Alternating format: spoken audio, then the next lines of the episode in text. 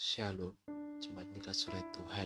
Sebelum kita mendengar firman Tuhan pada malam hari ini, mari kita minta bimbingan dari Roh Kudus agar kita dapat mendengarkan firman dengan hati yang tenang dan pikiran yang tenang. Dan kita berdoa. Bapa surga saat ini Tuhan, kami bersyukur pada Engkau segala penyertaan-Mu pada setiap kami selama sehari ini Tuhan Kini tiba saatnya bagi kami Tuhan akan mendengarkan sedikit dari firman-Mu. Kiranya Kau setiap kami agar kami dapat memetiknya nilai yang berharga bagi setiap kami Tuhan. Terima kasih Tuhan. Di dalam nama Tuhan Yesus kami tak berdoa dan syukur pada Engkau. Amin. Pertemuan kita pada malam hari ini terambil dari kisah Rasul pasal 8. Kisah para Rasul pasal 8 Saulus juga setuju bahwa Stefanus mati dibunuh. Pada waktu itu, mulailah penganiayaan yang hebat terhadap jemaat di Yerusalem. Mereka semua kecuali rasul-rasul tersebar ke seluruh daerah Yudea dan Samaria. Orang-orang saleh menguburkan mayat Stefanus serta meratapinya dengan sangat tetapi Saulus berusaha membinasakan jemaat itu. Dan ia memasuki rumah demi rumah dan menyeret laki-laki dan perempuan keluar dan menyerahkan mereka untuk dimasukkan ke dalam penjara. Mereka yang tersebar itu menjelajah seluruh negeri itu sambil memberitakan Injil. Dan Filipus pergi ke suatu kota di Samaria dan memberitakan Mesias kepada orang-orang di situ. Ketika orang banyak itu mendengar pemberitaan Filipus dan melihat tanda-tanda yang diadakannya, mereka semua dengan bulat hati menerima apa yang diberitakannya itu. Sebab dari banyak orang yang kerasukan roh jahat, keluarlah roh-roh itu sambil berseru dengan suara keras, dan banyak juga orang lumpuh dan orang timpang yang disembuhkan. Maka sangatlah besar sukacita dalam kota itu. Seorang yang bernama Simon telah sejak dahulu melakukan sihir di kota itu dan mentakjubkan rakyat Samaria serta berlagak seolah-olah ia seorang yang sangat penting. Semua orang, besar kecil, mengikuti dia dan berkata, Orang ini adalah kuasa Allah yang terkenal sebagai kuasa besar. Dan mereka mengikutinya karena sudah lama ia mentakjubkan mereka oleh perbuatan sihirnya. Tetapi sekarang mereka percaya kepada Filipus yang memberitakan Injil tentang kerajaan Allah dan tentang nama Yesus Kristus dan mereka memberi diri mereka dibaptis baik laki-laki maupun perempuan, Simon sendiri juga menjadi percaya. Dan sesudah dibaptis, ia senantiasa bersama-sama dengan Filipus dan takjub ketika ia melihat tanda-tanda dan mujizat-mujizat besar yang terjadi. Ketika rasul-rasul di Yerusalem mendengar bahwa tanah Samaria telah menerima firman Allah, mereka mengutus Petrus dan Yohanes ke situ. Setibanya di situ, kedua rasul itu berdoa supaya orang-orang Samaria itu beroleh Roh Kudus. Sebab Roh Kudus belum turun di atas seorang pun di antara mereka, karena mereka hanya dibaptis dalam nama Tuhan Yesus. Kemudian keduanya menumpangkan tangan di atas mereka, lalu mereka menerima Roh Kudus. Ketika Simon melihat bahwa pemberian Roh Kudus terjadi oleh karena rasul-rasul itu menumpangkan tangannya. Ia menawarkan uang kepada mereka serta berkata, "Berikanlah juga kepadaku kuasa itu, supaya jika aku menumpangkan tanganku di atas seseorang, ia boleh menerima Roh Kudus." Tetapi Petrus berkata kepadanya, "Binasalah kiranya uangmu itu bersama dengan engkau." Karena engkau menyangka bahwa engkau dapat membeli karunia Allah dengan uang. Tidak ada bagian atau hakmu dalam perkara ini. Sebab hatimu tidak lurus di hadapan Allah. Jadi bertobatlah dari kejahatanmu ini dan berdoalah kepada Tuhan supaya ia mengampuni niat hatimu ini.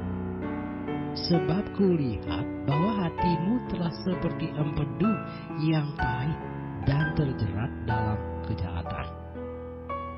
Jawab Simon, hendaklah kamu berdoa untuk aku kepada Tuhan, supaya kepadaku jangan kiranya terjadi segala apa yang telah kamu katakan itu. Setelah keduanya bersaksi dan memberitakan firman Tuhan, kembalilah mereka ke Yerusalem, dan dalam perjalanannya itu mereka memberitakan Injil dalam banyak kampung di Samaria. Kemudian berkatalah seorang malaikat Tuhan kepada Filipus, katanya, Bangunlah dan berangkatlah ke sebelah selatan menurut jalan yang turun dari Yerusalem ke Gaza. Jalan itu jalan yang sunyi. Lalu berangkatlah Filipus adalah seorang Ethiopia, seorang sida-sida pembesar dan kepala perbendaharaan Sri Kandaki, Ratu Negeri Ethiopia, yang pergi ke Yerusalem untuk beribadah. Sekarang orang itu sedang dalam perjalanan pulang dan duduk dalam keretanya sambil membaca kitab Nabi Yesaya. Lalu kata roh kepada Filipus, Pergilah ke situ dan dekatilah kereta itu. Filipus segera ke situ dan mendengar sida-sida itu sedang membaca kitab Nabi Yesaya. Kata Filipus, Mengertikah Tuhan apa yang Tuhan baca itu? Jawabnya, Bagaimanakah aku dapat mengerti kalau tidak ada yang membimbing aku? Lalu ia meminta Filipus naik dan duduk di sampingnya. Nas yang dibacanya itu berbunyi seperti berikut. Seperti seekor domba, ia dibawa ke pembantaian, dan seperti anak domba yang keluh di depan orang yang menggunting bulunya. Demikianlah ia tidak membuka mulutnya. Dalam kehinaannya berlangsunglah hukumannya. Siapakah yang akan menceritakan asal usulnya? Sebab nyawanya diambil dari bumi. Maka kata sida-sida itu kepada Filipus, Aku bertanya kepadamu, tentang siapakah Nabi berkata demikian? Tentang dirinya sendiri atau tentang orang lain? Maka mulailah Filipus berbicara dan bertolak dari nas itu, ia memberitakan Injil Yesus kepadanya. Mereka melanjutkan perjalanan mereka dan tiba di suatu tempat yang ada air. Lalu kata sida-sida itu, Lihat, di situ ada air. Apakah halangannya jika aku dibaptis? Saud Filipus, jika Tuhan percaya dengan segenap hati, boleh. Jawabnya, aku percaya bahwa Yesus Kristus adalah anak Allah. Lalu orang Ethiopia itu menyuruh menghentikan kereta itu, dan keduanya turun ke dalam air, baik Filipus maupun sida-sida itu, dan Filipus membaptis, membaptis dia. Dan setelah mereka keluar dari air, roh Tuhan tiba-tiba melarikan Filipus dan sida-sida itu tidak melihatnya lagi. Ia meneruskan perjalanannya dengan sukacita, tetapi ternyata Filipus ada di Ason. Ia berjalan melalui daerah itu dan memberitakan Injil di semua kota sampai ia tiba di Kaisarea. Bapak Ibu dikasih Tuhan, sering kali banyak dari kita memiliki rasa takut yang besar mengenai penganiayaan dan kematian. Kematian para martir seharusnya menjadi sesuatu yang menyedihkan, mendukakan bagi kita orang percaya. Dan tentu saja tidak salah untuk melarikan diri dari penganiayaan, kecuali jika tugas tersebut mengharuskan kita atau seseorang untuk tetap tinggal. Namun kita harus ingat bahwa mereka yang terbunuh untuk Kristus akan segera disambut oleh Kristus ke dalam kemuliaan.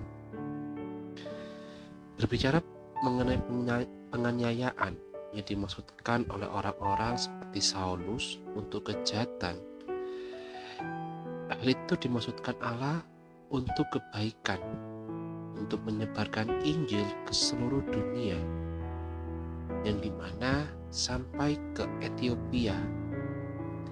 Bagaimana pasal ini mengajarkan kita untuk berdoa mengenai penganiayaan? Meskipun Injil diberkati di Samaria sehingga banyak orang yang diselamatkan, Simon menunjukkan bahwa tidak semua pertobatan yang kelihatannya nyata prosedur disiplin yang tepat harus berfungsi untuk memastikan bahwa mereka yang munafik dibuka kedoknya dan jika mereka menolak untuk bertobat maka mereka akan dikeluarkan dari keanggotaan. Mengapa kita tidak dapat beranggapan bahwa semua orang yang kelihatannya bertobat telah diselamatkan? Kan ketika Allah bekerja dengan penuh kuasa di suatu tempat. Alangkah baiknya Bapak Ibu dikasih oleh Tuhan jika kita menjadi seorang petobat-petobat sejati. Lebih baik kita mengatakan segala kesalahan kita, segala keburukan kita di depan Tuhan daripada kita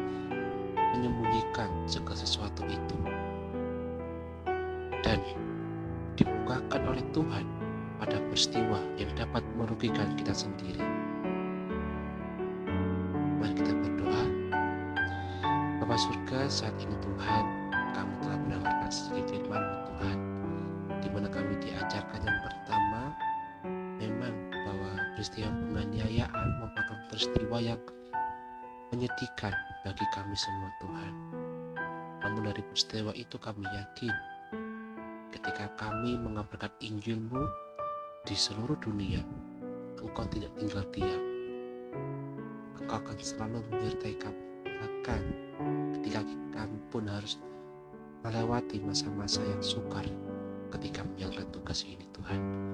Itu pun kami diajarkan kembali untuk menjadi seorang petobat yang sejati menjadi petobat sejati adalah petobat yang meninggalkan segala kesalahannya bukan hanya sekedar berkata-kata saja dan tidak memaafkannya Tuhan terima kasih Tuhan dan kita saatnya bagi kami kami bersirahat kiranya menjaga istirahat malam kami ini agar esok hari kami dapat bangun untuk melakukan segala aktivitas kami Tuhan terima kasih Tuhan di dalam nama Yesus kami berdoa ucap syukur pada Engkau.